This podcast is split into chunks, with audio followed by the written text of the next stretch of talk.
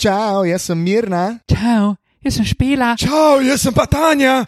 In mi smo Foxy Teens. In vi poslušate podcast Dvokorak. Guess who's back? Foxice, ej, čau, čau, folk, kva dogaja. Mi smo klele se zbrale, ej, mirna, kako si kaj? A, danes. Ful dobro, eno ful ljuškano oblico sem si kupila prej na Emporiumu.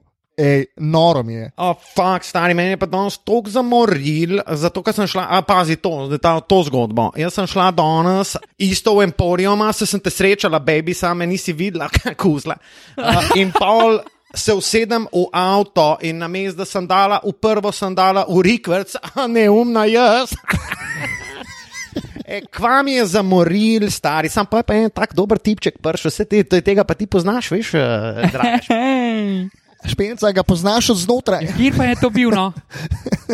O kjerem pa govoriš, veš, toliko jih je bilo, veš? A veš, un Damir, ki dela tam v fit-inu, un trenerček, full luškan, ki naredi, ki dvigne 200 na benču. Sem mislila, sem mislila da je bil Grega. A Ja, misliš, Damjan?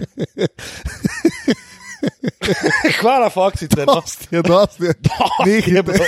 Dej Tanja, no. Čakaj, no, moram še jaz kaj povedati. Jaz pa Miki Šarac, to rada. Uh, hvala, Tanja, Mirna in Špela. Uh, dobrodošli v 47. epizodi podcasta Dvokorak. Uh, Andrej Kirilenko, podcastov danes, uh, ko govorimo o epizodah uh, AK-47, Dvokorak, Matija Kosmač, Tilen Lamut, Luka Štucin in najprej, drage poslušalke in poslušalci, danes ste. Takole bomo naredili. Najlepša hvala za vaše donatonije uh, in seveda, keep them coming uh, na hitro. Trikrat dvojni ve, app, aratus.si, pošiljka 247, pošiljka in na dnu posta, klik donate in hvala lepa za vse donacije. Ni jih bilo malo, lahko bi jih bilo pa še malce več. Klik, klik, se sliši, pod vsakom pofukan hiš. Ja, odlično. No? Mislim, ful ste da je keša že. No. Hit you in Bale the crotch, keša. fantastic. Bale denarja imamo zdaj. Ravno ovijamo v, kva so že v skladišču, kva imajo. Kot Tisto- morda lahko že Folijo, tudi folijo. uh, imamo vsak svoj majk, Hey! kar je neposreden rezultat Točno tako. vašega dela tudi. Tako, vaših donacij, najlepša hvala. Presrečni smo, da ste naši. In Ne, uno paleto vzem, ne te palete. Euro paleto, te veliko, ja. Cool, thanks, sorry, pardon. Uh, pride tudi Katarina Čas, ki ima okol perdema denar. Da lahko bila to? zadevo. V Wolf of Wolf. Wolf. Wolf of Wolf. Fanta, razen to, da smo zdaj puni, kako smo? Ja, neč denar ni vse, samo en problem manj, stari. Ampak, škoda je pa Bigi rekel, ne? Uh, veliki mislec, Bigi. A More ti? money, more problems. No, ne, ni, ni čisto, imamo nove majke, tako da še enega problema smo se rešili. Uh, drugač pa, kako naj ti rečem, Luka, kako sem zelo dobro. Pa ti, Luka. Jaz sem tudi zelo dobro. Zelo delovno. Ne smo ampak- na novi sedežni, ki je zelo udobna, moram A priznati. je? Ja, ja. Je, ima ja. neki te čvrstosti, ki je primankovala prejšnji sedežni. Tako, um, ko, sem, ko sva s Tejo izbirala uh, tole sedežno, na kateri smo, namreč uh, smo na Mencingerjevi ulici, uh, novem domovanju, oziroma ne novem domovanju, Ej, več kot očitno. Ja, več jaz kot se tem malo opiram. Jaz Ja, ja, opiram. no, lej, bomo, bomo, bomo mi to lepo uh, demokratično uh, bomo Ali izbrali. bomo glasovali, ali da vsi glasovali za to menci grejo stari. Čeprav vsi vemo, da je dosti Neue Borger Berger, Steiner, Štergerjeva je kar- Leitnerjeva.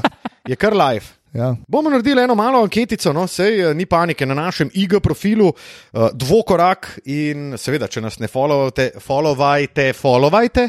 Če nas ne followate, followajte. In uh, bomo tam pač naredili en story in izbrali, torej Mencingerjevo ali Neuerberg Steinovo. Tilen, Prosim, kako si? fantastično. Zakaj? Ker, Si? si? ker sem. Hmm. Wow, zadovoljen s svojim lastnim obstojem. Ja. Oh, wow, Kako? kakšna ocena. Kako malo potrebuješ? Res je. Zgolj Tilen, družbo tega ne vidite, zato ker eh, smo audio zadeva in ne video zadeva. Je pa Tilan oblečen, kot da bi bili video zadeva in si je ravno kar, eh, ne ravno kar, ampak danes nadel Edvina. Edvin pa pomeni, da je Tilen neverjetno vroč v tem trenutku. uh, tako le malo hlačke na pegelcu, pa bela srajčka, rjav pas, ki uh, sopada seveda tudi z rjavimi lakirnimi uh, čevlji in seveda tudi uh, zgornji del blazerček, en blazerček. Fantastičen blazerček.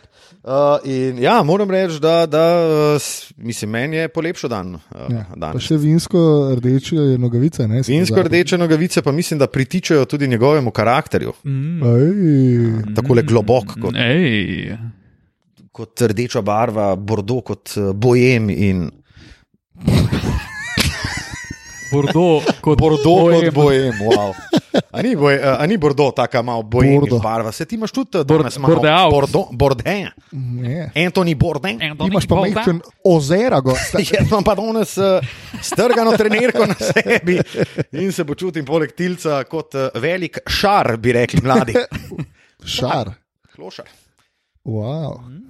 Pokracčka, šar in ostale zadeve, ki se jih več kot očitno ne. Rnc. In rnc. rnc. Rnc, pa venc, Ja, ja, ja, vem, Pa. Venija, venija. pa vra.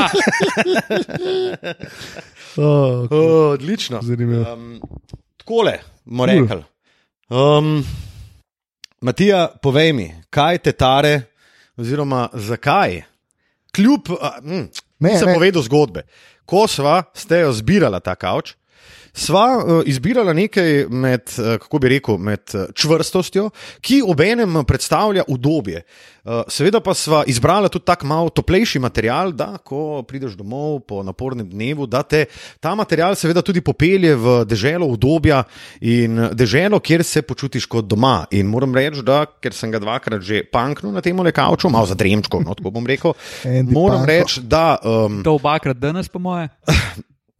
Ne, Tilen, jaz sem bil danes v službi. wow. In moram reči, da uh, struktura in trdnost skrbita za uh, hrbtenico in za uh, blagodejnost, uh, seveda. Uh, Medtem pa mehkoba pa te vseeno ponese v svet obdobja, kot sem že dejal. In A, daj jaz prekini, mislim, da je daj to povej. kriminal, kriminal, da bomo zapostavljali ta kavč za uno po- podrtijo na mojega burger štergevijevi. Upam, Luka, da ko si izbiral to, da si Ja. imel pri udobju in eh, čvrstosti tega kavča, kljub temu, da se to sliši noro na robe, v mislih tudi mene in Matijo in tvojo željo, da je to nov headquarters Ja, in kako se bova midva počutila tukaj. seveda, zato Ampak, mislim, ampak srce. zdaj. obenem, obenem pa upam, ne, ko si omenjal toploto, da si imel v mislih mene. Ja, seveda. Mislim, sej, če kdo topo izmed nas treh, si to ti. Ponovadi. Točno tako. Točno to. Danes si Točno to. topo, ker si vroč. Ja. Sicer pa bi odgovoril še na insinuacije tam le kolege Luka Štucina. Ne? Insinuacije. Ni vse udobje, toplina in tako naprej. Nekaj je tudi razdalja. Lej, meni je tudi kul cool na Fidžiju, ampak je pa lažje iti na krk. Ne? A Veš, veš kaj ti govorim? Hej, wow. Ha? Nisem prepričan. Tole primerjavo pa vzemi, zavijo in jo vržu biološke odpadke. Ne, tako je. Um, Ne, Čista resnica, stari. čist razumem, ampak uh, do Fidžija ti rabaš približno 36 ur, Ne, to je laž. koliko pa? No, koliko pa? Rabaš Kaj, moraš leteti tako v Avstralijo, ne? ali pa še tam 16. Kuala Lumpur in tam? enih 16. Ne, pa kako 16. 13 je do, zahod, do vzhodne obale, eh, oziroma edine obale Kitajske, to je 13. Ja. Pol do Fidžija imaš pa. Ja, ti, zdaj upoštevaš, ti, zdaj upoš, ti zdaj ne upoštevaš, da imam jaz privatno letalo, stari. Po se pa s tem privatno, privatnim letalom še iz Bratoševe ploščadi A, zapel semle. mogoče bom zamenjal za helikopter, če boš imel helipad le gor, drugače pa je bi ga, še zdaj moram z avtom. ti sam parkiri. Zmeraj mora z avtom prijeti drugače. No, ok. Matija, Matijo pač moti, da se mora 15 minut voziti, da pride do, na drugo stran Ljubljane. Ja, No, Ja, to je dejstvo. ja me, ne. to vemo, dejansko. Ampak neki, ne? Kar pa je. 15 minut rabiš v zelo zgoščenem prometu. Ne? Ne, No, ok, nima veze. Ampak 15 minut rabiš v zelo nezgoščenem prometu. tako. Ne, če pa ja, Ja. promet ne zgošče, ja, pa mislim, pizda, a sem se jaz zdaj dva tedna vozil in poznam relacijo in vem, koliko Ne, časa traja. tvoje, tvoje mnenje tu je ful preveč biased. ja. Ne, Ti v hočem bistvu samo nimaš povedati. Hočem samo povedati. Da, če mi ne bi tega podcasta snimalo petih, ampak bi ga snemali normalno ob sedmih ali osmih, bi ti bil iz Bratoševe ploščadi, pri meni bi bil dvanajsti. Sej, cel problem tega. Zdaj pa na dveh minutah se vadi človek, pa dobro. Cel problem, cel problem tega je, ne, da mi snemamo to zdaj, tega, ker če bi snemali ob sedmih, ne, to tuk časa traja pot do sem, da se ne splača v petih iti šihta domov, da se moraš pol spet rihtati na to dolgo pot do Mencingerjeve. To je point. to vse drži. Fanta, prosim, pospremite se ven. Ker on sam naredil tale podcast. Eh. Uh, Tako ali tako imata pa, imata pa tok do doma, da ti ne boš na tekmo po noč prišel ob 3 zjutraj, ti už pa v službo jutri zjutraj zamudo A 5. to ti govorim jaz. Jebe vam, boga, evo, gasno se kompi, naj, a se je snimal, dobro. Uh, Ne, super je, Luka, Spet. hvala, ker skrbiš za, za nas. Uh, ampak, le. Sam Sam se hotel povemo. predlagati, zato ker smo uh, ljudje, ki radi sprejemamo konsenze, da se dobimo na sredini, ker Tina Lamut in njegova Štajnova je točno na sredini. Ne? Ja, ne, ni ne. Aha, Na okay. sredini je recimo Prešernova cesta v Ljubljani. Pa dobro, nami, med ama tabo kdo, pa. ama kdo tam flat? Arijaj. Ja, moja seka. Hej! Ja, pa je pa Pa pa zmerno. dajmo tam. Dajmo. Cool. Pa Malo, če poslušaš, najbrž ne posluša, uzurpirali bomo naslednjo teden. Naslednji Naslednji teden. tako. Uh, zdaj moram pa jaz še eno napako priznati.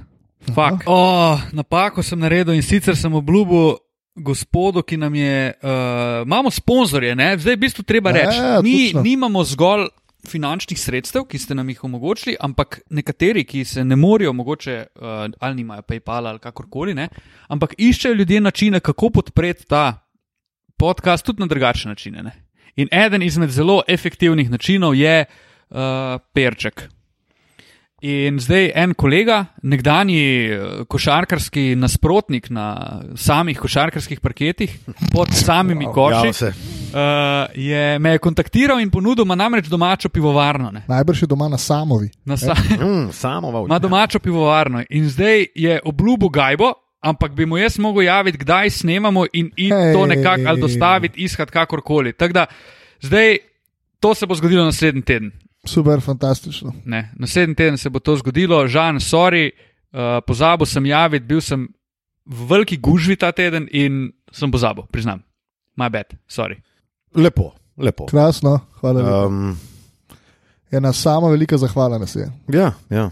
Mislim, odpuščati je božansko, ne pravi. Puščati, predvsem. A, Ja? to so pa tele RTV-ovske scene. A? Kar bo odpuščati, ja. Ja, super, naj bo, sam že zmer bojo sigurno odpuščati. Zato, ker ste pač pa upismeni Točno debisi. ne? tako, točno tako. Upam, da nas lahko prenašate. Ja, ja, ja. Hvala. Eh, Hvala. Uh, Dobro, Upam, da je to prenosljivo. se skregamo že v tem uvodu, da je začeti. stari. A ste razložili, kaj Matko? pomeni Edwin? Edvin, ja, Edvin je nagrada za najbolje oblečenega športnega komentatorja v Sloveniji. A prav, a, okay. Ja, ja, to je zelo, zelo egzaktno. Tole zadevo je definiral sam Matija Kosmač. Čist sam sem bil, ko sem jo definiral. Ne, v bistvu nisi, ne? bila sva oba. Tako Ja, sem definiral, sem pa sam. To pa. Ja. mislim, on, Ampak- on ima copyright na ime, na kipec, na, Ja, ja. na naziv, ja, ja. vse. Ja, pač, vse cash, ki ga tega dobim, je pač moje. Je pa, je pa tudi eh, zelo zanimiva zgodba za tem, ne? Ves Eh, Ker je ga Edwin takrat eh, bil zelo vročekrn v komentatorski kabini. Mislim, to v bistvu zdaj Ko je dobil nagrado. na glas. Ja, ja, ja, ja, ja. To, po mojem, smiselno zadržati, pa pocukajte za roke. Ni nujno, da gre vsaka stvar v javnost. Zakaj pa ne? To bi lahko imelo dolgotrajne posledice, Luka. Ja. Definitivno. No, vidiš. Vse to je zabavno. Posledice so super, sploh če so Ja. slabe. Ja, ja, ja, super stvar, super stvar. dobre, no, sej. Kul, cool. dajmo, dajmo. Uh, jaz mene si že skoraj vprašal, kakšen je moj hejt kotiček, in začel bom s tem, da se bom najprej vprašal, zakaj uh, pri vsem tem kešu, slavi in vsem tem, kar premorejo NBA košarkari, praktično od Vladka Čančarja do Lebrona Jamesa, zakaj si vsi podajo iste bebe, stari. No, Dajmo, dajmo. Uje, ne bo rekel, jaz ne vem več o tem. Koliko enih žensk, stari? Koliko enih žensk na svetu, a oni si podajo ene in iste. V velikem finalu se bo namreč uh, se bosta pomerila trenutni lastnik ene ženske z veliko ritjo, uh, Tyler Hero, Heroj. um, ki jo je predtem v to isto perdo nagačil Kajl Kuzma. Ja, ja, ja. Eden bolj zanimivih, Dobro. eden bolj zanimivih storylinov tega finala, treba reči. Res, res. Um, ja, to je bil en tak hejt kotiček na hiter, ki si niti ne zasluži debate, sam pač temo, fanti. No. Dajmo. Ni pač, da nehite si gledati. Je pa to zelo zanimivo. Eno Kje drugega. je dajte. to? Kylie Jenner. Ne, ne, ne, ne. Ne, ne, neka- ne. Pusti zdaj Bena Simonsa primer. Neka rnka z veliko guzo. In ko smo ravno pri What? posledicah, tale beseda bo prinesla kar nekaj. Ja, prej, ko smo rekli rnce, je pa v redu. Rnc je drugače. Ok, kul. Cool. Vse v redu, vse v redu. Naj pridejo posledice. Uh, v glavnem, moj pravi hajt kotiček pa se nanaša na vse tiste, ki ste že izročili tole trofejo, ki jo boste um, na njuni televiziji kasneje izročila Luka in Tilan, da ste jo že izročili jezernikom. Oziroma, kot, nek, kot rečejo, kakšni hejterji, jezernikov, fakersi. Hey, oh, faka, vidiš, pa sem naredil, le, ker so lakersi, ampak jaz sem rekel, pa, da so fakersi. Purple and gold, je. No, v glavnem, to mi E, ni tega všeč. To mi ni všeč. Glede na to, kaj smo videli, pa kaj smo govorili o vzhodu, mi to niti približno ni všeč, kaj se dogaja. Luka, zakva, spet, zakva ti nas držiš brez čika, stari 10 minut? Luka je namreč ravno kar odložil mikrofon na tla. In Pol zdaj, pa, pa pol pa spet tudi- vse, ne, pa, pa vidva zmontirate, Ja, ne. ja, ja. Tam le pa njegov trek, ne vem koliko minut prekratek, zato ker mu šteka ta reč. Ne. Pa tudi preuredil šteka, je, če skozi lečeš kabel nekam na okn, pa ne vem kam. preuredil je zdaj pol dnevne sobe za ta namen. Ti sunce. Tole pa ni bil hec, tole pa čisto resno mislim. Um, No, mi da Matija- se pa pogovarjajo. Matija, jaz lahko potrdim tale uh, tvoj hate. In je to eno, en velik nesmisel. Ne? Sicer bi, kljub temu, da si neizmerno in verjamem, da se to vsi uh, zavedamo, želim, da bi Miami dobil to serijo. Bi, če bi mogel zbrati, pa staviti na nekoga, bi definitivno stavil na Lakers. Ampak to nikakor ni enaka zadeva. Ne? Vseeno mislim, da bo ta serija kar napeta in tudi če Miami v končni fazi to dobi, si predstavljam načine, kako bi se to mogoče lahko zgodilo. Jaz pa ne, da bi stal na Miami, ampak sem. Odlično. Uh. Ali si dal denar ali uh, si tako prijatelj? Ali premoženje. Ne, ne, ne, cash sem dal na to. Mene to Koliko je bila veseli. kvota? Štir, Štir na Lakers je pa najbrž ena pa pol. nekaj tazga, ne vem, niti nisem gledal, sam uh, kolega je rekel, da je štir in da imamo. In smo dali Top. A je uh, skrivnost koliko? 30 E. Uh, to je pa tako, stava, kot se zagre. Ja, Tako, Tako, lepo. legit. cool. To se pravi, koliko eh, koliko pa je. Uh, 110. okay. Dobro, Dobro. Jaz bi mogoče se navezal s svojim hejtom, če smem, preveš se. ker smo v bistvu dober segway. Preveš se na mojega jumbo jeta. In sicer, Boing! wow, wow.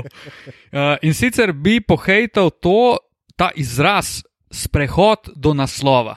Namreč, kako lahko za nekoga, ki je do, na poti do svojega. Do osvojitve naslova NBA prvaka premagal štiri nasprotnike v serijah na štiri zmage, od tega je sigurno, da se je mogel srečati z nekom, ki spada med, ne vem, top štiri ekipe v ligi v rednem delu, se pravi, neke ekipe, ki jim nekaj gre, I guess. Ne? Ni zdaj, da se je z nekim šodrom srečeval. In pa se za tako ekipo reče, ja, to je itak sprehod do naslova. Ja, Kaj sploh pač- to pomeni, stari? To je pač malo daljši sprehod. Ne? Vse to ne pomeni, da je nekdo lahko tako boljši, da suvereno. Mislim, meni je to tudi Golden State, ki je bil nerealno boljša ekipa od vseh, kadarkoli, I guess. Pa ni prav, da rečeš, da je bil to sprehod do naslova. Razen če, okay, če imajo 16-0, pol, Ja, pa so imeli koliko 16-1. Ja. mislim, To je bil ne, prehod to- do naslova. Mislim, da je bilo 4-1 v finalu. Ne? Na zadnje so imeli 16 na Lakersi, ki jim je sam Philly z Iversonom. No, ali pa 16-2. To je za moje pojme tule izraz pritiče. No, ja, sej, se, sprehod. Ja. se strinjam. Da, Ampak te, tu se Lakersi lahko so že koliko pogovarjamo. tri tekme izgubili, tako da Ja, ampak vseeno ti ne moreš it's not reči. even a stroll ve- anymore. Mislim, men, jaz se ne strinjam s tem izrazom, no? ker še skozi ti moraš to dobiti. Prav, ti se, serijo ti se 4-0. ne strinjaš s tem izrazom v dotični seriji, ali se ne strinjaš, da bi sploh mogel ta izraz živeti med nami? Oboje. Sploh pa se ne strinjam s tem v dotični seriji, ker kdorkoli tukaj dobi, ne morem reči, da je bil to sprehod. Tle se strinjam. Ker potem Na splošno se pa ne strinjam. Se pravi, ti se ne strinjaš s tem, da nasplošno ta uh, izraz obstaja. Luka, če te malo bom, stari, res, pa daj odlož nekam drugam. Stari. Ja, ker pobira, ja, majk. ker pobira Mike. Sem prej le pogledal, pa ni bilo nič. Glej. Pa ne, pa njegov in tvoj. Ja, tvoj majk pobira, te, na, na to se pa nisem. Ja, se a, tvoj tudi pobira, če ga tam pustiš. definitivno, se upravičujem. Prosti, ker se jezim, sam, no, kje smo sta. Uh, ne vem.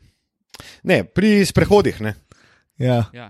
ja, mislim, meni se zdi sprehod čist, sprehod do naslova čist ok izraz, če, je, pač, če gre za sprehod do naslova. Ja, ampak pogoj, ok, ajde, pogoj mora biti 16-0 ali pa 16. Mislim, tudi Ena, ja. Ena. 16-2 zaradi mene. Ampak lahko, tudi v takem- 16-3 je lahko, ker če je une tri tekme izgubil, pač, a veš, se pri 3-0 se malo sprosti, izgubiš eno tekmo Okay. in pol odigraš eno spet na full in je Ja, to. ok, ajde, se strinjam. Ampak v tej seriji pa to nikakor ne, ne more veljati. se. Ne za eno, ne za drugo ekipo. Ker če mi zdaj govorimo, da kao Lakers imajo pa ja srečo, ker uh, niso igrali proti Clippersom v polfinalu, stari Clippers je vrgel v Denver. Ja, ja, mislim. In zakaj je to pol sreča? Pizda oni so izgubili po 3-1. Mislim, ti se pol, eh, ti se pol v bistvu kekneš na faco vsem, ki so dejansko to. prišli v konferenčni finale. Pol, če bi za, pol lahko tudi rečemo za Miami, se Miami izgubil tri tekme v celem playoffu s prehod do finala. Ja. Pol ti se kekneš Milwaukeeju, Indijani in Bostonu, ki si niti približno tega ne zaslužijo, se jim kekneš v faco, pa rečeš, to je bil sprehod. Stari moj, ne moreš tega, mislim, to zelo težko rečeš. Jaz, uh, uh, ni mi všeč ta beseda, no? moram reči. Se pa strinjam, da če 16-0, 16-1, 16-2, to pa je kar stravljeno. Dobro, Dobro, Luka. Na Lukata se danes samo jezim, uh, le nič ni hudega, če nimaš hej kotička. Luka. Vse je v redu, Imam, vse bomo. tiče je to, uh, je osrednja osebnost, je Matija Kosmač. Eh, Ne, um, moj hate bi mogoče lahko šel na račun NBA, ampak sam zaradi tega, ker ne štekam, zakaj Adam Silver tok navija za januarski restart sezone, ne pa recimo za Božič. Um, Uj, kdaj, se, kdaj, se, kdaj se je na zadnje zgodil, da ne vem, vidva nista gledala niti ene božične tekme lige NBA? Jaz se ne spomnim več leta, ko nisem za Božič gledal NBA oziroma ga delal, kakorkoli. ja, Matko, mi da so bila lani, mislim, da za Božič celo v lepi žogi so gledala eno tekmo. I, ja dala smo, da. Ja, ja. Dallas Houston. Točno, ker je imel, M- ker je imel TV3 zadevo. Yes. Um, in meni tako, ful ne štekam, pa to v bistvu je njihov mil tiket. V Ja. prvih treh mesecih sezone je Božič, pizda, vse se vrti okoli Božiča. Za, mislim, jaz ne razumem, pol, zakaj bi se začel 10. januarja, če se lahko začne pač 14 dni prej. Jaz ne razumem, kaj teh 14 dni prenese, razen to, da bojo mogoče pol na koncu imeli celo malo več sajta, malo več manevrskega prostora, ukolikor se dejansko odločijo, da uh, pošljajo une, ki izpadejo v playoff, pošljajo tudi na olimpijske. Recimo, ne vem, sej Ja, to so špekulacije, ampak oni so dejansko pripravljeni se pač kekati olimpijskim na, na, na Fiko in tja dati une modele, ki pač se niso uvrstili v playoff.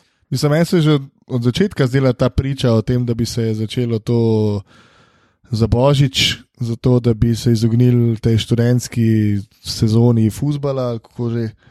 Um, meni se je že takrat zdaj tu butast. Mislim, da je pa basket res en tak šport, ki toliko časa že velja nek termin in ima tudi svojo logiko, pač, da se to dogaja v eh, severni hemisferi v obdobju, ko je jesen, zima in začetek, oziroma pomlad, mogoče še začetek poletja. Pač tako je organiziran vse basket na svetu, tako je organiziran vse naš futbol na svetu, evropski. Um, ne vem, zakaj bi to šel sploh spremenjati. In to, mislim, jaz bi začel čim prej. Ja, ja. Zato, da se čim prej vrnem nazaj na star urnik. Oziroma, Ne, oni pač- smo ga vajeni. Oni pač to delajo, zato, ker, ma, ker od oktobra do februarja jim rejtinge Ja, zbija NFL. ne. Itak. Uh, oni imajo februarja, imajo Super Bowl in pol se kao začne time za, za NBA, pol vmes polet se uh, MLB začne, uh, hokej je pa itakao, ni, ni, ni nek tekmovalec NBA-ju, Ja. ja. po rejtingih in tako naprej. Um, no, to je moj hit. Ne razumem, pač sam ne štekam. Tudi jaz ne. Pa tudi ne štekam tega, da lej, da prvič se je to zgodil. V življenju, odkar obstaja Liga NBA, ti greš pa silt, januarski začetek in sil 82 tekem. Stari moj. E, oni bi igrali 82. Oni bi tek- 82 tekem igrali od januarja naprej, sezona bi se zaključila konec julija oziroma začetek avgusta. To je Ja, slabo. hvala, ker se mi... to najbolj mori. Ja, sej, to, Ja, saj mislim, oni se bojo vsem, predvsem nama, Tilen, pa mogoče do te matko. Pokekili na fiko, stari, zato ker ne bomo mogli iti na, na dopust do ne vem, septembra, kam tam z nemškimi upokojenci uh, na krku to, je slabo, špricerje. to, je, to je, te termini so slabi. Pa jaz tudi mislim, da okay, oni se hočejo kao izogniti tem uh, NFL-u, ampak a ti misliš, da poleti bo pa ne vem koliko ljudi gledalo basket? Folk hoče imeti poletje frej. Ja, valjda. Tudi da nič ne gleda in mu je tudi čist sede, da nima kaj gledati. Ker tudi priješ domov ob desetih, ko pač je mrak in greš spat ali pa film gledati ali whatever. Ne? Ne vem, kakšne rejtinge ima bejzbol, ki se polet začne. Ba, na začetku še ne tako dobre, ne? oni imajo pol v playoffu, imajo precej boljše rejtinge. Uh, recimo še en pomislek glede tega. Kaj pa, če bo pol, ne vem, svetovno prvenstvo v futbalu, polet, ja. Oni bojo imeli pa končnico, takrat bojo kekili tok v rejtinge, sej ne v ZDA, ne govorimo o ZDA, ampak cela Evropa bo gledala futbal, ne Cel- v NBA. Cel svet, Ja. ja. izjemo ZDA. Tako. V bistvu. In jaz ne razumem, mislim, kada ne bi gledali par let naprej, zdaj, ok, kaj je evro ali svetovno, ne evro, ne Evro. kaj je. Evro. Evro pa pol svetovno v Katarju 2022, ki se je predstavil na zimo, ok, super, v redu. Ti ne jemlje. Kva pa polka bo pač spet nazaj v Francijo, misliš, da bi v Uni januarja igrali svetovno ali kva? Ah, nehino. Tako da ja, Toliko o sranju na keko. Jaz sem v bistvu imel še en hate, ki sem se ga spomnil, tudi povezan z NBA ali celo delno z NBA in delno z ljudmi, ki urejajo prenos tekme. Namreč, če gledate uh, situacijo, ko so Lakersi osvojili zahodno konferenco, O, ja. imamo uh, trak na sredini igrišča, ki omejuje pristop, I guess, ali novinarjem ali komorkoli, kam se morajo igralci postaviti, dobijo naslove. Uh, mislim, dobijo pokal, uh, konfeti padajo, kot da so fucking olimpijski prvaki postali in tako dalje. čepice dobijo, ne? Medtem ko Miami osvoji naslov, ni nobenih konfetov, nobenega traku in naj jo vržejo ven eno minuto po koncu tekme. Sam, In samo game has ended. ok, stari. What? ja, um, No, toliko. Ne, ne razumem tega, zakaj so si Lakersi zaslužili konfete, na drugi strani na vzhodu nič. Pač res nič ni bilo. mislim, bilo je, ampak ni bilo v prenosu. Ni bilo prenosa, ampak tudi konfeto dejansko ni bilo. Jaz mislim, da je bilo, vse Ne, je niso bil bili. Gogara, je stal na konfetih z unim pokalom. Dej poglej na, na Stari, Instagram. jaz- No? Ampak jaz Mislim- mislim, da je bilo konfeti. Ampak mi, mi kot mislim, ameriška, ameriški režiserji, oziroma mislim, da je ESPN delo, je pač lagano zaključil. Ja, oni so lagano šli ven. Ja. Zdaj, če so bili konfeti, bom itak pojel enega šita. Mi je zdaj že žal, da sem to vedel. Ne, ne bom sam- povedal, da so bili. Čakaj, da najprej pogledam, če so res bili. Ampak itak niso bili. Ja, Dej, da se lahko pogovarjate vmes. Ja, zdaj čakamo ta trenutek, ko boš povedal, ali so bili ali niso. No, ja, tudi, Ne samo, da niso bili, res niso bili. A res? Ne, res. A bratilc. ne. Glej, ker nisem imel konfetov. Niso imeli- stoji, ne na konfetih. Dajte nam konfete. Ja, Dajte gole tu konfete. Ja. Zasluži. si. Gole si zasluž un milimeter več, da stoji na ko- konfetih, stari. Kokon, Kokon. Ok, kokon, le balon. Wow. Tik nad Mencingerjevo pa trenutno balon. Kul. Cool. Um, nadaljujemo in sicer nadaljujemo z uh, najprej kratkim um, mnenjem o razpletu obeh serij, pa bi prosil, da kar fantom mogoče prevzamete besedo, ker ste zadevo videli malce od bližje, sploh serijo Miami. Tako da kar povejte, kaj sta videla, uh, sta presenečena, nista presenečena, itak smo mal presenečeni. Mislim, jaz sem presenečen sam, v bistvu brez kakšne pretirane drame je Miami dejansko pospravil Boston. Ne. Sej drama je bila, sej so bile tekme dosta v egalu, razen tista, ki je Boston dobil kaj vodo za 20, pa so Unipol sicer prišli nazaj na 8, ampak ajde. Uh, ta šesta tekma je bila meni odraz tega, koliko je Miami dejansko dolg, mislim pa ne dolg, glede na to, da so igrali v rotaciji s sedmimi, ampak koliko res vsak, pride gor, neki da tej ekipi, pa koliko so v bistvu mirno, ker jaz bi si predstavljal, da je šesta tekma je tako. Ti moraš biti nervozen pred začetkom. Boston je dobil dve tekmi od treh, recimo, da ima momentum na njihovi strani, oni so leteli kar visoko um, in da je Miami tako mirno, razmeroma dubo to tekmo. je velik dokaz, da ne samo, da si zaslužijo mesto v finalu, ampak da lahko v finalu tudi dvignejo kar nekaj prahu. Konfetov, mogoče celo. Ej, Upam, Ja. da ne bo, da ne bo The Game Has Ended, ko bo Lakers kadili v finalu. Pa, šao. no, jaz no, upam, da se to ne bo zgodilo. Ne. Tilen, da je svojih 5 centov. Ja, mojih 5 centov, se ne vem točno, kaj bi rekel, več kot Luka. Kul. Cool.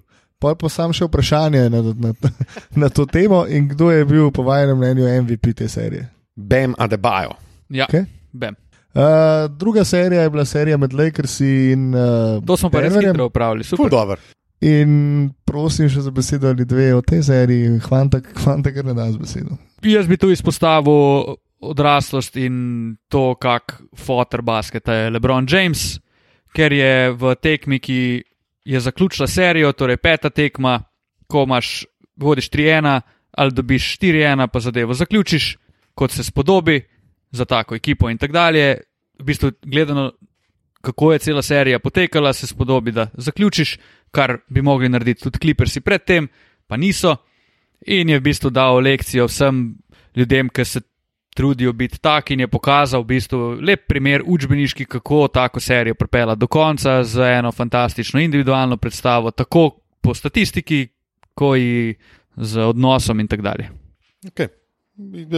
Super. Uh, Spet podpis. se podpisujemo. Ampak uh, bi pa tudi še rekel, da je bilo več kot očitno, da so uh, košarkari Denverja kar mal gest. Ja, to je tudi temu res, ja. rekel, res so bili sfukani, so bili do, do, do kraja krajevov, stari. Kraja, Sej kraja. to je, Krajevo, do to, to je, konca.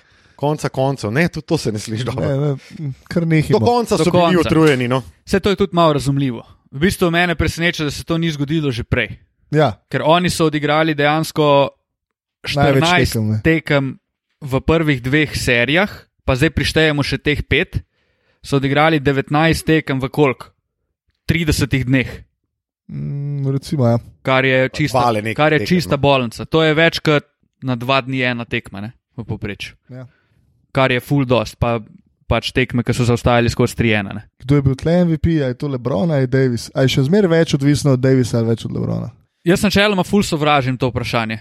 No, vsega jaz tudi, ampak Ker tudi, Ga pa ne. mislim, pač da ni. imamo, imamo neko. Imamo ta Nek podcast. ne. kanal, ne, kjer moramo ta mnenja izražati. In zdaj je mogoče dober trenutek, da razmisliš o tem.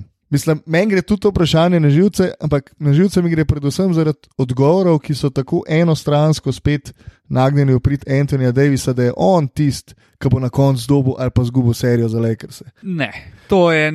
Jaz se s tem ne strinjam, ne, ker imaš tle pač modela, ki je serijsko nastopil v finalih, ni jih serijsko zmagoval, ampak če se na koga lahko zaneseš, potem se lahko zaneseš na Lebrona Jamesa, ne na Antonija Davisa.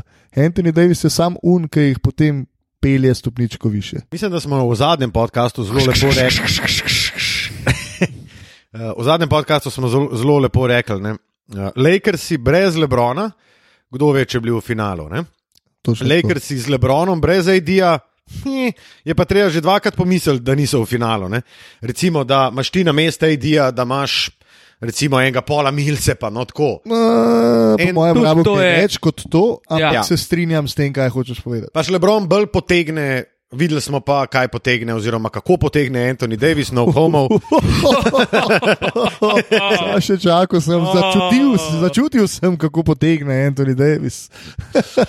O, Marija, pomagi. Jej. Um, ja, in jaz bi se, mislim, Anthony Davis je pač igračina velika, velik, uh, velik šef, ampak jaz mislim, da se pri vseh ekipah, v katerih je igral Lebron, in tako je še vedno, kljub njegovi starosti, da se vse začne pa konča pri LBJ-ju. Pa dajmo tudi to staro smečken v- kontekst, ne? ko se že njega to kdaj tokrat v primerjavo z Michaelom Jordanom. Jordan je bil tudi pri svojih 35 še vedno the guy to beat. Zakaj mi zdaj pa kar naenkrat Lebron je pa to je pa nekaj neverjetnega, tega pa še nismo videli. To sploh ni res, stari. A to so sfabricirali mediji So, ameriški? ja, so, so, ampak to pol- Fabricirali. Ličen izraz. Jaz mislim, da je to pač tako, kot smo se na začetku te sezone pogovarjali, ker sploh nismo vedeli, še kaj bo, da pač američani, oziroma ameriški mediji, vsako, Pa se je tip smeh, stari. Čavi Rabaseda je ravno kar odresil sam Pablo Burgosa na črti prostih metov slikal svoje hlačke, dame in gospodje. Uh, Alex Renfro Ja, ja, Ja, Alex ja. Renfro. Za Reprov pa na drugi strani pa Omar Kukane. No, pardon za tole Liga prvakov. Um, zmoto. Kar sem hotel reči, sam, da američani pač na začetku vsake sezone iščejo neke zgodbe, neke. To se strinjam s tabo. Pa pač, ki pol more to se furati cel, celo fucking sezono. In letošnja sezona je bila ta, da vsi govorimo, uje, bem ti, pa Lebron že str, uje, je to ena iz njegovih zadnjih možnosti. Dajte nehati. No. Model je žival, model je bolj pripravljen, še vedno kot 90 lige. In Ja, je pa, Kar pove, kar pove. je pa res, da ti doskrat, mislim, ni pa dost takih igralcev. Po mojem je to glavni razlog, da se to zdaj toliko o tem govori, oziroma so te informacije toliko bolj nam vsem dostopne, kot pa so bile naprimer v času Jordana, ne? ker pač je drug cajt. In zdaj ti nimaš, povej mi, enega 35 starega igralca, okrog katerega se vse vrti, pa je toliko od njega odvisna ekipa in hkrati tukaj uspešna. vse ga ni. Ja, ni, ne? Mislim, zelo težko je primerjati tudi kogarkoli z Lebronom Jamesom, Itak, ki je valjda. pač generacijski talent in hara ligo 15 let. Že. Absolutno. Ja, 15 plus. ja. Mislim, jaz sem hotel se navezati glede Antonija Davisa. On je, celo bi rekel, da bi on mogel biti v vsaki seriji najboljši igralec na igrišču, da Lakersi gredo naprej ali pa osvojijo. Ampak to še ne pomeni, ali pa najbolj nevaren igralec na igrišču. Se pravi, dominirati vsako serijo, ker ima to sposobnost. In Lakersi dejansko so boljši, ko on dominira. To pomeni, da ima vem, 12 skokov na tekmo, povprečje pa 25 pik. Vsaj. Sem še skozi, ti ne moreš iz te ekipe, na podlagi tega pa je žal dejstvo, da ne moreš reči, ok, Lebron je pa, Lebrona pa se ta ekipa več ne rabi. In tako se reko, matko, tukaj gre Lebron, vse se začne in konča pri njemu. In je nehvaležno reči, ja, zaradi enega so oni uspešni. Uspešni so zaradi obeh. V končni fazi uspešni so tudi zaradi Dvajta, ki je preganjal Jokiča, pa mu ni dal miru, zaradi tega je pol Jokič bil tudi mogoče malo utrujen in tako dalje. Bo pa zajeben, če Lebron v finalu spet zgubi, in zato bomo zdaj govorili o tem, zakaj bo Miami prvak eh, letošnje sezone. Kasneje bomo enako povedali še o Lakersih. Jaz Ampak... bi na to temo sem še nekaj rekel, kar smo se z Lukatom pogovarjali med polčasom zadnje tekme. In sicer, LeBron James je igral v devetih, v zadnjih desetih letih, se je devetkrat uvrstil v playoff in devetkrat je tip igral finale. In zdaj, če meni nekdo reče, da je to, da je to slabo, ali pa da se začne zgražati, kolikrat je on osvojil finale, da je folk nehete. Res. Zdaj pa enostavno vprašanje, kdorkoli naj se javi, ki da mu zdaj nekdo reče, v naslednjih desetih letih boš ti devetkrat špilal finale NBA, a bi podpisal ali ne bi. Luka, da sem to že vprašal, Matija, ti mi povej, a bi to podpisal. Seveda, da to podpišeš. Kakšno je to vprašanje? A te vprašam, da od teh dev, vnaprej, od teh devetih, da trikrat osvojiš. Ja, ja vzamem, itak. Vse to vpraš Torej- ta vprašanja niso vezana, kaj hočem jaz, in ti vprašanja so vezana na eh, malce večnejša. Večnejše zadeve, ampak Absolutno. To, to, ni za danes, to ni za pravzaprav, o tem se sploh ne smejo več nikoli pogovarjati. Drži. Eh, Okay. V bistvu je 8-3, ne, mislim. Ma dobro, nema niti veze, stari. Ampak, torej, zakaj bo Miami prvak lige NBA v sezoni 2019-2020? Lahko jaz začnem? Luka, prevzemi, prosim. Prevzem, kukar časa imaš, si ga vzem, ker pol bo prevzel Tilen in gremo mi da na kavo. Ne, ne, ne, ne. ne. Ne, ne, ne, ne, ne. tisti pa ne. Uh, jaz pa ne bom. ne. Uh, jaz v bistvu um, to, kar rečeš, zakaj bo Miami prvak, um, je, ma se kar na mestu vprašanje. Jaz vidim tri načine, kako je Miami lahko prvak. Uh, in sicer, da s cono probajo, kar se da, ampak res kar se da, seveda to ne bo na vsaki tekmi uspešno, to je jasno. Z dva, tri cono, consko postavitvijo, skušajo pač vsaj deloma izločiti AD-ja ven in prisiliti Lakerse v šutiranje tric. Lakersi so, če se ne motim, ena najslabših uh, ekip po odstotku trojk izmed uh, ekip v playoffu in Danny Green ne more zadeti bazena, Kentavious Caldwell Pope ima dober večer, če meče 2-11, Alex Caruso jih tudi ne utika kontinuirano, Ražon Rondo pa tako, tako nikoli ni bil znan kot uh, Velik utikač. tako velik utikač in se tukaj zadeva praktično konča. Seveda lahko LBJ zadene za tri, to redno, Anthony Davis tudi, Markif Morris tudi in tako naprej in tako naprej. Vse to si dobro rekel, mar, marsikoga ima Lakersi, ki lahko redno zadeva za tri, žal nobeden na, na dolgo obdobje. Pa še eno težavo bi tle, sam zato, ker si jih omenil trojke, bi omenil sicer. Spet bomo tle govorili, ja, ampak Deni Green je še vedno igral za velike tekme. Ne, ne, ne, slab je, trenutno sam slab je. Ja. Samo to. Ja. Um, to je prvi razlog, da oni lahko z dva, tri cono je, meni ti, stari. Zdaj Pa nisem vedel, da ga je brehnil, da je bil to kotliček. O, Marija, ej. ti ti kot liček. To je pa tvoj kotliček. Ja, to je pa moj kotliček. Me prebudi vsako noč, ko grem na uh, polnočni, polnočno olajšanje.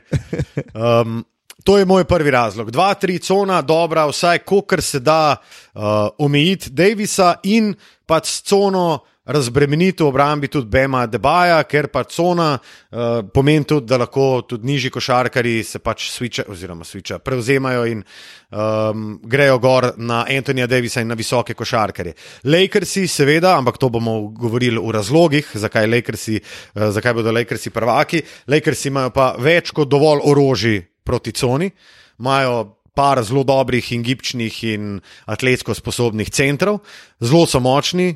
Pa veliko večino točk dosegajo iz obarvanega dela rakete, oziroma Ampak več o tem kasneje. Tako. Okay, drugi razlog je, da se trije razpištolijo, ko govorimo o metu iz obljubljene države. Ali pa vsaj, da vzdržujejo dokaj visok odstotek, kar pomeni nad 35-36 v seriji. In to so Tyler Hero, Duncan Robinson, predvsem pa Jay Crowder. Mi moramo vedeti, da je Miami dobil tekmo oziroma serijo proti Bostonu z Jayem Crowderjem, ki na petih tekmah je zadev štiri trojke iz 60 poskusov. To se pravi, njega ni bilo. To je drugi razlog. Torej, da No, se, jaz da ne tre- bi strinjal, da ga ni bilo, je pa res, da je bil šoder iz trojke. No, okay, v obrambi je podelal, seveda, ampak tako govorim v, v napadu. ne.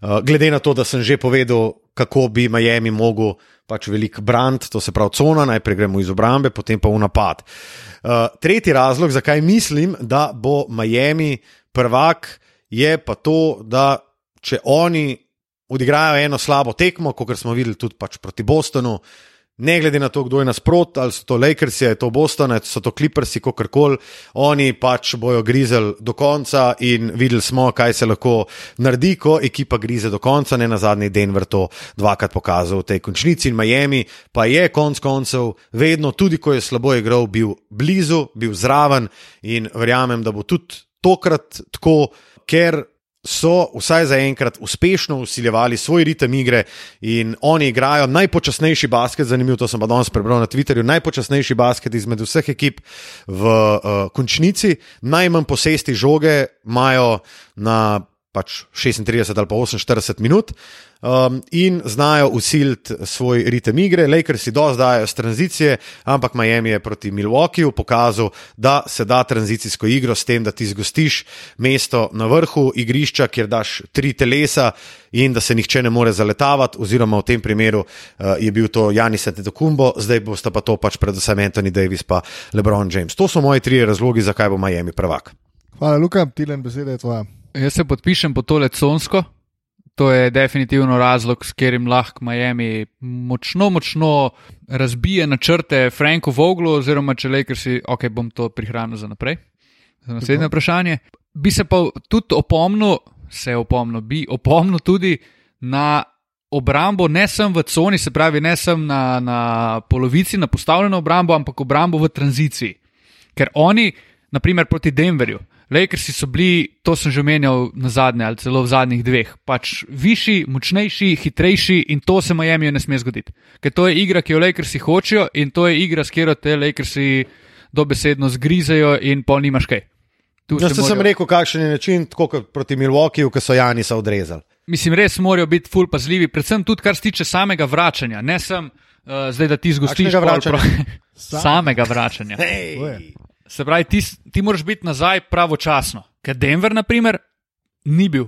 Oni, Lakersi so 1-2 na 0 tekli v kontro. Torej, to je to. predvsem pa mislim, da je glavna prednost Miami to, da je na eni strani samozavesten nerealno, glede tega, kaj je naredil do zdaj in kako je igral. Pustimo to, da so tudi uh, se zabavajo, kar je v bistvu dokaz tega drugega točke, ki jo čem izpostavite, pa da je poleg samozavesti Miami full sproščen in tudi nima pritiska rezultata realno.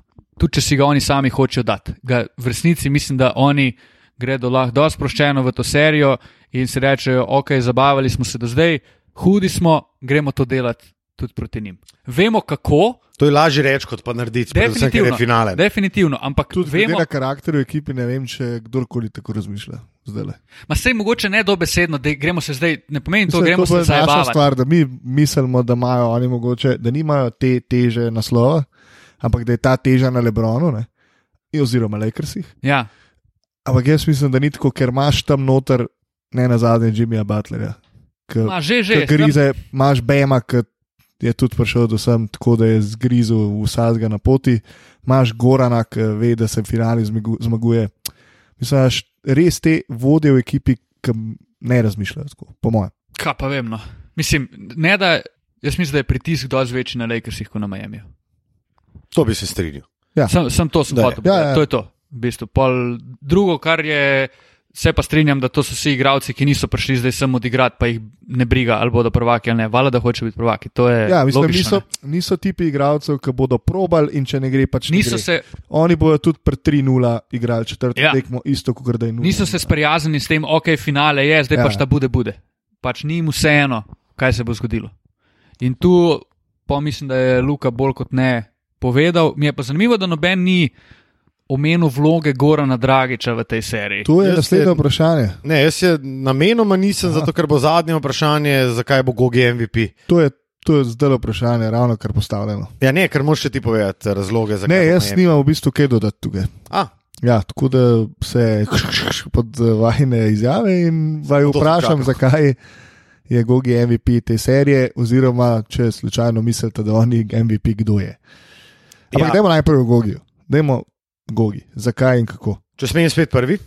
Um, ena zadeva je, in sicer Gogi je bil najboljši strelc serije proti Indijani. Jimmy je bil najboljši strelc serije proti Milwaukeeju. Bam je bil najboljši strelc serije proti Miamiju. Pri Miamiju je lahko stari zdaj od Hm, prvega proti do Bostonu. osmega v rotaciji lahko MVP. Res. Lahko je konc koncev tudi Jay Crowder, ker ne smemo pozabiti, pozabiti. Kawhi Leonard, Andrej Godala sta bila, zakaj MVP? -ja? Zato, ker sta dobro ustavljala Lebrona. Jay, Crowder bo, jaz verjamem, največ cajta v obrambi preživel na Lebronu, ne Jimmy Butler. Butler bo ga branil, ampak Butlerja morajo konc koncev vse en mičken šparati tudi za eh, napad, za kreacijo in tako naprej. In Kle je skoraj ne mogoče povedati, razen to, da imaš pač ti eh, subjektivne eh, razloge, zakaj. In jaz mislim, da pač dragi, če lahko, ker lahko Lakersom, to se pravi Karuzu, Caldwell Popu, pa Rondo, ki ga bojo kril, ki niso slabi obrambni košarkari, daleč od tega. Ampak Gogi je pač tok. Podkovan, izkušen, tak winner, 30. da lahko vsakmu natoč 20 na tekmo brez problema. Če jih da 22, pa recimo, da razigrava svoje igralce, jaz mislim, da Gogi bo MVP, če bo imel 25-5. Evo. Ne, Kar v bistvu daje v končnici. točno to. Če bo on vzdrževal to statistiko, je Gogi fucking MVP. In Pa ne da, more- pa da vsaj na eni ali pa dveh tekmah je on tisti, ki prepelje do zmage. Tako. Pač na tesni končnici. Tako kot peta tekma, četrta tekma proti Bostonu, ki je zadevno uh, Trolando, je bila šesta. Trolao. Ki je zadev tako, ne vem, minuto pred, to je bila šesta tekma, minuta pred koncem uh, jo je zadev, da je v bistvu je zapečatil, pa je Ja, ja, ja, dal Duncan je tako. Robinson, pa Je Debajo je zabal. Je tako. Um, tako, jaz mislim, da bo zaradi tega uh, Goran Dragič, oziroma v takšnem primeru bo Goran Dragič MVP finala. Pa, sorry, še to. Jaz tudi mislim, da Jimmy Butler ne gre v to serijo. V smislu, ok, jaz hočem biti prvak, sam hočem biti pa zraven še MVP, njega Ja, ja, to boli kurac. Se Isto. Bema, Debaja, isto Andrej, Godalo, vse. In kle, jaz pač vidim prostor, manevrski za Gogija, pa se Gogi tudi ni tak, jaz pa zdaj hočem biti MVP. Pač hoče pomagati ekipi to če je- daje to je 20, pred- Ravno pred kar si Miami, a ne? opisal, Je zakaj to je. Miami to kdo. Ja, ja. ja točno to. Um, težko karkoli drugega dodam, ker je Luka lepo ja. zaokrožil to zadevo. Res. Bi mogoče sem rekel to, da je imel potencialno Gogi nasproti dosti težje obramne oziroma zahtevnejše obramne igralce za prebit proti Bostonu, kot pa bo imel proti Lakersom. Jaz bi pa mogoče dodal to, da bodo mogoče v primeru zmage Miamija novinari mogoče bolj naklonjeni Jimmyju ali Bemu. Oh, definitivno. Dela v obrambi, pa zato, ker sta konec Ah, koncev Enkrat ena. američana. Ampak ja, še zmer, uh, mislim, da ima Gogi čisto realne šanse. Jaz Gole- mislim, da je Gogi tretji po rejtingu za MVP v tem trenutku, če, če MVP iščemo iz Miamija. Dost odvisno bo tudi od tega, kak bo narrativ, kako, kak je sploh prevod te besede. Uh, nadaljuj stavek, pa ti va Kak bo narrativ finala? Zdaj, če bom Gogi Kakšen bo imel, potek? Kakšna bo zgodba? kakšna bo zgodba, mogoče je to bolj primerno. Se pravi, tri tekme so mimo, Gogi ima v poprečju 22-5-4. Ne? Ampak v nobeni, to, kar si ti prej rekel, ne, v nobeni tekmi pa on ni nek faktor, okrog katerega, naprimer, Miami vodi 2-1 v, te, v teh treh tekmah in zdaj eno tekmo dobi Butler s trojko v zadnji minuti ali pa da v zadnjih treh minutah, ne vem, šest pik. In vsi govorijo o tem, Butler je na koncu bil glavni. In dobiš un občutek, da ok, Butler je pa res še v tej seriji. Čeprav ima Butler lahko v povprečju serijo, ne vem, 14, Ja, 8, 1 ali pa 2, 2 asista, nima veze. Ne? In zdaj, če bo tak narativ, pol se lahko hitro vse skupaj zmakne Gogijo, če bo on dajal, ne vem, po 15 v prvem polčasu, pa v drugem 7. Ker spet to so pač američani, ki gledajo zadnje tri minute tekme in če si takrat hud, imaš vse možnosti za to, da boš na koncu MVP, če boš na tak način dobil, ne vem, dve tekmi. ja, res je. Ne pozabimo, v prvem naslovu Warriorsov so vsi na kurac nabili Stefa Krja, ker je v poprečju dosegel borih 25-6. Ja. ja, Ja. ja. Um, no, sej, kot smo rekli, Kawhi Leonard, Andrej Godala sta v bistvu z obrambo na Lebronu Ja. ja. dobila, čeprav stat-wise nista bila. V bistvu je spet bil, ni bil nihče izmed njiju jeziček na tehnici za MVP, ampak je bil Lebron jeziček Ja, na tehnici. In to tudi pove dosta o veličini človeka, Absolutno. katerega ti ustaviš in si zaradi tega MVP finala. In glej ga zlomka, spet imamo tu Andreja Igodalo, ki je bil čist hud v šesti tekmi. In spet imamo tu krasen segway v delček, zakaj bodo Lakersi prvaki. Pa bi tokrat prosil, da Tilan prvi pove, ne? ker jaz sem najslab spremljal dogajanje, zato zelo Luka kaže name. Zato sem se postavil tako v vlogo Mario, Marija Galuniča in z veseljem uh, delim besede. Hej. Je, je, je. Uh, jaz sem imel za en kup idej, medtem ko je Luka govoril, oziroma že prej eno svojo, ki sem se malo zagovoril, ko sem komentiral Miami. Ampak ok, Lakersi bodo prvaki, če bodo rešili cono Miamija, ki jo je Miami sposoben proti njim, če ne bodo zadevali za tri igrati 46 minut vsako tekmo. Rešili jo bodo pa po moje na ta način, da bo njihova peterka sledeča. Anthony Davis, LeBron James, Caldwell Pope, Danny Green pa Rondo. Danny Green. In Rondo bo na enki, reševali bodo pa cono z Lebronom na visokem postu. In bo Lebron dejansko playmaker, ker to, ta napad na cono je Miami proti Bostonu povzročal z naskokom največ preglavic. Ti spraviš žogo na Lebrona, Bam redno zamuja na pokrivanje tega igralca in on sam zaključuje ali pa podaja, tam je pač lahko vprašaš. Lahko pa vprašam Miami, kam hočete, ali ga da dam jaz, ali vržem na Eliup, AD-ju, ali vržem Danijo na trojko, pač lahko si izberete, odkje vas bom dobil. Luka ima takoj repliko, prosim. Ne, ne, v bistvu imam vprašanje. Ne, ful mi je zanimiv, da nisi dal v peterko proti coni, nisi dal recimo dveh hrustov pod koš. Anthony Davis je en, jaz bi dal Howarda pod koš uh, za, za, za cono. Zakaj? Zato, da lahko žogo spraviš noter, pa da imaš en body noter, ki naredi prostor.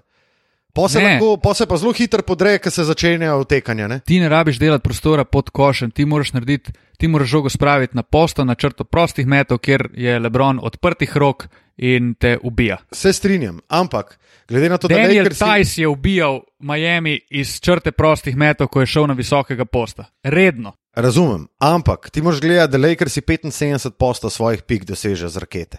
Zato bi jaz dal dva velikana noter, da, da, razdirata, da razdirata cono in naredita od spodaj prostor. Na kak način bo ta razdirala cono in naredila spodaj prostor? E Pač dal bojo dol dva bodija, Ja? ki bo ta prišla do žoge, tudi takrat, ko bo Lebronu onemogočen, da dobi na črti prostih metov žogo. Mislim, se to ne pomeni, da ti guraš žogo non-stop sem na Lebrona. Seveda, da ne. Žoga jaz- more, no.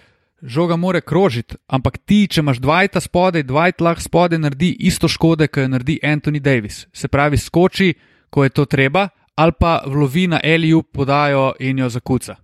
Vlovi. S tem, da imaš. Tem, da Mislim, imaš jaz bi na mestu Caldwell pol pa dal sam Howarda noter proti coni. No. Ampak pomaš ti dva in AD-ja, in Lebrona, in Howarda. Ja. In kje oni stojijo? ja, Lebron na črti prostih, Ja? une dva sta pa down low. Ampak cona, je- point cona je, da imaš ti polno raketo. Tam ja. itak ni, ni placa in ti pol, s tem, ko imaš ti tri visoke igralce, ti še zgužvaš ta že itak ozek plac. Ja, sam imaš na krilih, imaš pa Denija Grina, Ja? In on je edini. pa paražona ronda, pa bi dal pa karusa na mesto ronda, da vsaj kakšno vtakne.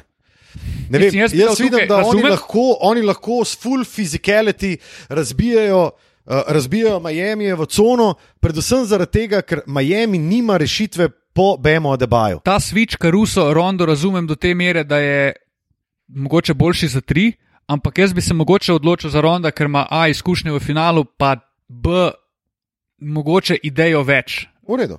kar se tiče Legit. Pasa. Matko, kaj ti misliš o tej eh, coni in reševanju? Razumem, cone? kako jo hoče reš, reševati Luka, um, ampak se strinjam, da je to zelo težko. Pač cona se res razbija od znotraj, vse to je rečenica, ki smo jo doskrat slišali, ampak uh, ne moreš jo od znotraj razbiti, če nimaš zunaj dosti močnih orožij. In mogoče je dejstvo, da imaš uh, Lebrona, Davisa in še enega visokega košarkarja, mogoče je to malo preveč. Oziroma v tem primeru Davisa porinaš na trico. Kar pa je lahko učinkovito, lahko, Lahko pa tudi ne. Ja. tudi ni. Mislim, da se ga da boš ponuditi pod koš. Vse strinjam. Je pa tu še ena stvar, da je mogoče največja uh, moč Lakersov pri razbijanju cone, je pa hiter, hiter tranzicija, hiter protinapad in čim manj pozicijske obrambe in čim bolj tranzicijski napad zaključevanja v zgodni fazi. Ker so v tem v končni fazi tudi Med najboljšimi. med najboljšimi in imajo igralce, predvsem Lebrona, ki ga je ne mogoče ustaviti Ja. v takem situaciji. Plus visok pika rol, še preden je obramba dobro postavljena, kjer imaš ja. spet Lebrona s svojim IQ in pa Davisa svojo bulo v obeh bicepsih in tricepsih. Um, ja, jaz mislim, da je tudi eden izmed ključev igra tranzicije. Um, ker smo prej že rekli, da Miami igra najpočasnejši basket, zna dobro ustavljati to, ampak vsem pa niso še igrali proti ekipi, ki bi imela vse to gibljive košarkarje, kot jih, ima, jih imajo Lakersi. Lakersi lahko konec koncev Davisa dajo na debaj in je to v bistvu petka proti petki. A veš, to je to. In on, Lakersi imajo v Davisu toliko mobilnega centra, kot ga imajo konec koncev tudi pri Miamiju. Ne? In jaz mislim, da tranzicija je ključ do, do zmag uh, uh, Lakersov. Videl si pa tudi proti Bostonu, da je na trenutke Miami imel zelo, zelo velik težav uh, z zapiranjem prostora, če na to niso bili pripravljeni. Uh, Spomnim se une tekme, ki so jim dali, vem, v eni četrtini deset pik iz. Tako, takih kontr, da je bil sam preskok podaja, da bi gledal angliški futbol in čau, kucanje in to je to. Ja, pa mogoče ustaviti branilce Miami, ki mislijo, so na vseh. Obe, na obeh branilskih položajih in na uh, krilnem, pravzaprav, če Lebrona postavim na štirko, mislim, da ima uh, Miami več potencijala v napadu kot, kot Lakersi, oziroma so ti napadalno toliko močnejši, kot uh, Lakers, Lakersovi igralci, igralci Lakersov ne izstopajo kot dobri obrambni košarkari. Še en razlog, ki bi ga jaz rekel, zakaj bodo Lakersi prvaki, je mogoče ta najbolj straightforward, ker imajo Dve orožji za množično uničenje. ja, in imajo dva najboljša igralca v tej seriji. Pol, v bistvu, kdo je takoj zanima, se lahko začnemo pogovarjati. Jimmy Butler najbrž. Ajde, Jimmy Ja, Butler, ali pa Bam, ali pa Gogi. Pač na vsi ostali drugačen sledijo. način, ne, čisto Ti, ti imaš se pravi prvega in drugega najboljšega pri eni ekipi, pol je pa mogoče so kar celo trije od Miamija. In zdaj na eni strani je to prednost za Miami, za Miami, za Miami, da ima več nevarnih ali pa več solidnih igralcev, Lakers imajo pa dva v končni fazi iz prve peterke NBA. Jaz vidim tudi uh, razlog oziroma način, kako bi Lakersi zmagali, je pa sicer odvisen od Miamija. Erik Spolstra bo mogel v tej seriji nujno razširiti razširit, uh, rotacijo. Ker je zdaj na zadnjih treh tekmah proti Bostonu igral s sedmimi igralci. Marsa Leonarda ni bilo gor, uh, Kendrika Nana ni bilo gor, uh, Tilan, da mi pomagi. Kelly da- Olinika Kelly ni bilo gor. Mislim, da prva dva, ki si jih omenil, sta dosti bolj pomembna kot Kendrick Nunn, ki bi jaz eh, se kar strinjal s polstro, da ga drži čim dlje stran od ja, parketa. ja. To je jasno, ja. ampak pač se pravi, on more mičken, mislim, Mislim, tako je, ne? po eni strani jih moraš, zato da mogoče nasprotnik, zato ker imajo daljšo klop, ker imajo več kakovostnih košarkarjev. Uh, po drugi strani pa verjetno ravno zaradi te svoje dolge klopi in zaradi tega dokaj kratkega obdobja igranja, dosti bolj svežih sedem igralcev kot Lakers. ja. ja. Ja. Uh, zdaj pa še, če, to je pa čisto nesmiselno vprašanje. Če Lakers osvojijo, je MVP eden izmed dvojice LeBron Davis, po mojem, se vsi trije strinjamo, gre samo za to, kdo bo odigral boljšo serijo. Tako. Um, če bo sta oba dva ig- odigrala približno isto dobro serijo, je pa to LeBron James. In, To pa, to pa definitivno. Jaz verjamem tudi, da če bi AD odigral, pa ne dost, ampak če bi bilo tako, o, mislim, bil po- boljši, ampak ne toliko boljši. Jaz bi rekel, da bi bil Lebron. Jaz vedno. se popolnoma strinjam. Ok, in še ena povsem brezvezna stvar. Uh, napovej rezultat. Uh, 4-2, Miami, Tilen. mogoče tudi 4-3. No. Čeprav ti si stavil na Miami, ne? Ja, dal si denar, ampak uh, se pa zavedaš realnosti. Ne? Ne, Se se jaz rekel, zavedam, popolnoma, ampak jaz verjamem, da po videnem na vzhodu, ki je bil dosti boljši letos od zahoda, Uh -huh. si upam reči, da je Miami sposoben pomagati Lakers. jaz bom rekel 4-3 Lakersi. Jaz bom In rekel, malo me boli srce. ja, te boli malo. No, pa bom še neki, na neki se bom obesil, ko poveš Luka svoj rezultat. Ma Jaz sam, da vam bom kontriral, bom rekel 4-2 Miami. Super. Krasno. Ne vem, kako si mi sicer kontriral, ker sem tudi rekel 4. Ja, on je rekel za A Miami. ti si, a, ti Ja. si rekel Miami, A ne ja, Lakers. to si- Kako si ne, ne, ne. sploh pol jebo? nek- Ne vem, ne vem. A ja, No, glavno, ampak ima že tle najnega prijatelja Tilda. Ne? Bi jaz rekel, da Tilan je trenutno v podobni situaciji kot uh, Dion Waiters in sicer bo v obeh slučajih osvojil prstan. ja, definitivno. Enega za LBJ-ja, drugega pa za Miami. Jaz Točno to. navijam za Miami, hočem, da Miami osvoji, če pa se to ne bo zgodilo, uh, bom pa vesel za Lebrona. To nam je In popolnoma. to je za me sanski finale lige NBA v letošnji sezoni, če smem dodati. Ja, Kar in tudi finale, zaradi ni- katerega ne moreš ene tekme mirno spremljati, pa si tako, pa se ti vse en, kaj se bo bo Ne, to je zaradi, mislim, to je že zaradi Gogija. Ne? Ja, ja, vse to. Ja, Logično. To je Za vse tiste, ki ste rekli, da moramo eno epizodo posvetiti samo Gogiju, jo pa bomo mogoče po finalu. Ko bo MVP? Tako. Uh, naj se to rekel, zgodi. In še to bi rekel, uh, kdo bi si mislil, oziroma to pove, kako divje je bilo leto oziroma sezona 2019-2020.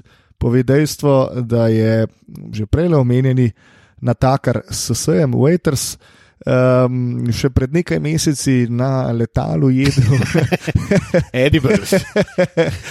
edible v obliki Haribo medvedkov, zdaj pa v situaciji, ko je v vsakem slučaju osvojil NBA prstan. Brilliant move. čestitke, Dion, jaz sem v Malfauš, ker on bo še kar jedel te edi- edible, ker igro ne bo in bo vsak pa prvak. ful zanima, če bo Miami prvak, a bo sprejel prsten ali ne. Ful me to zanima. Če bi bil Jack, ga ne bi. Ne. To, to mislim, malo ga bi mogel ne sprejeti. Kdo je že na bil, Samo on ki ga ni sprejel? Čist dost velik dušbek, da, da sprejme. To je pa dobro vprašanje, se zdaj ne bom spomnil. Ne, ker je prvi bil tako, pač ne rabim tega prstana in ga tudi ni vzel naslednjič, ko, so se, ko sta se ti dve ekipi srečali. Kdo je igral za Cleveland? a je bil to Calderon? Ne, ne. Uh, ne, ne bi rekel. Da je Calderon Mislim, da je nekaj nekdo, ki je šel iz, iz, uh, iz Golden Statea v Cleveland. Polno leto, ko je Cleveland, ali pa obratno. Hej. Zelo dobro, je to un, dos, Patrick McCaw, je to on, zdaj. ne mogoče. vem, mogoče Pro, ne vem, ne vem. Ne. No, ampak sej konec koncev nima veze, Dion ga bo vzel in to z veseljem. Če mene vprašaš, na nudu si bo ta prstanček. potem si bo vzel lopato, haribo, bombono in si jih bo zatlačil v gepo in bo držal stola, da dol. Čeprav je pa noro, ne? zdaj če malo fast forwardamo, najbrž to sicer ne bo zgodilo, ta uh, šampionske parade letos najbrž ne bo zaradi COVID situacije. Če pa bi bila, ne, pa bi Lakersi bili prvaki, a si mi predstavljamo JR-a pa Diona Oj. na teh busih starih. Fuck. Koliko bi bilo to enih majic, Haribo, Noro. bombonov pa lopat. No, wow. Henja. Fak. Na takem žuru bi pa rad bil. Uh, dobro, kakorkoli, prijadrali smo do konca 47. epizode podcasta Dvokorak. Danes smo se dejansko odločili, da bomo malce bolj eh, takole analitični, malce manj zajebancije. In eh, upam, eh, da ste predvsem tisti ljubitelji košarke, ki se zadeve lotevate predvsej bolj resno, tokrat malce bolj zadovoljni z našim pristopom. Ne na zadnje smo profesionalci in se znamo iti to podcast igro, tako da le, ni problema. Še uro nazaj pa Foxy Dings. Mogoče to smo malce pozabili. Mogoče pa sem še, a smo rekli, kdaj snemamo. Namreč danes je sreda, Ja, ve, predvečer uvodne, tekme, ja. uvodne tekme letošnjega finala. In tole bo zunaj, Luka, da me me stari. Tole bo jutr v. Jutr, stari ob Jutr, uh, jutr. 9. zjutraj, to mora biti. Točno to. Jaz Ja. se bom potrudil, da bo čim prej. Bom se že danes lotil. Oh. Vse mislim, da smo bili dokaj. Ampak moram, Dajmo- počas, moram pa počasi štartati, zato ker če hočem biti danes ja, nazaj. Ej, v ene dveh zjutraj. Na vratu že vidiš. lahko lotiš. Uh, dajmo sem še za konc, glede na to, da bo prva tekma mimo, ko, bo to, ko bodo to ljudje poslušali. Kaj se bo zgodilo na tej prvi tekmi, Matija, v dveh stavkih, ajde. Lahko tudi v enem, če se da. Um, Lakers si bodo hitro povedali, in potem bo, se bo Goran Dragič uprizoril preobrat, oziroma se bo Miami na krili Gorana Dragiča vrnil kot Phoenix iz pepela in dobil prvo tekmo. Wow, zanimivo. Uh, jaz mislim, da, bo, da bodo Lakersi pobegnili in da bodo nadzorovali rezultat skozi celo tekmo, ampak Miami bo še vedno čudežno nekako blizu v zadnjih treh minutah, pa pa, pa, pa unkajo, da bo zmagal. Jesus, take the wheel. Ja. Jesus take the wheel, dober izraz. Zelo. Mislim, da bo Miami dobil prvi polčas in v tem prvem polčasu vodo že za 11, pol na koncu bodo pa Lakersi to prvo tekmo vzeli za 7. Jo bosta vzela, bo ta rekla, dosti je bilo. Dovolj.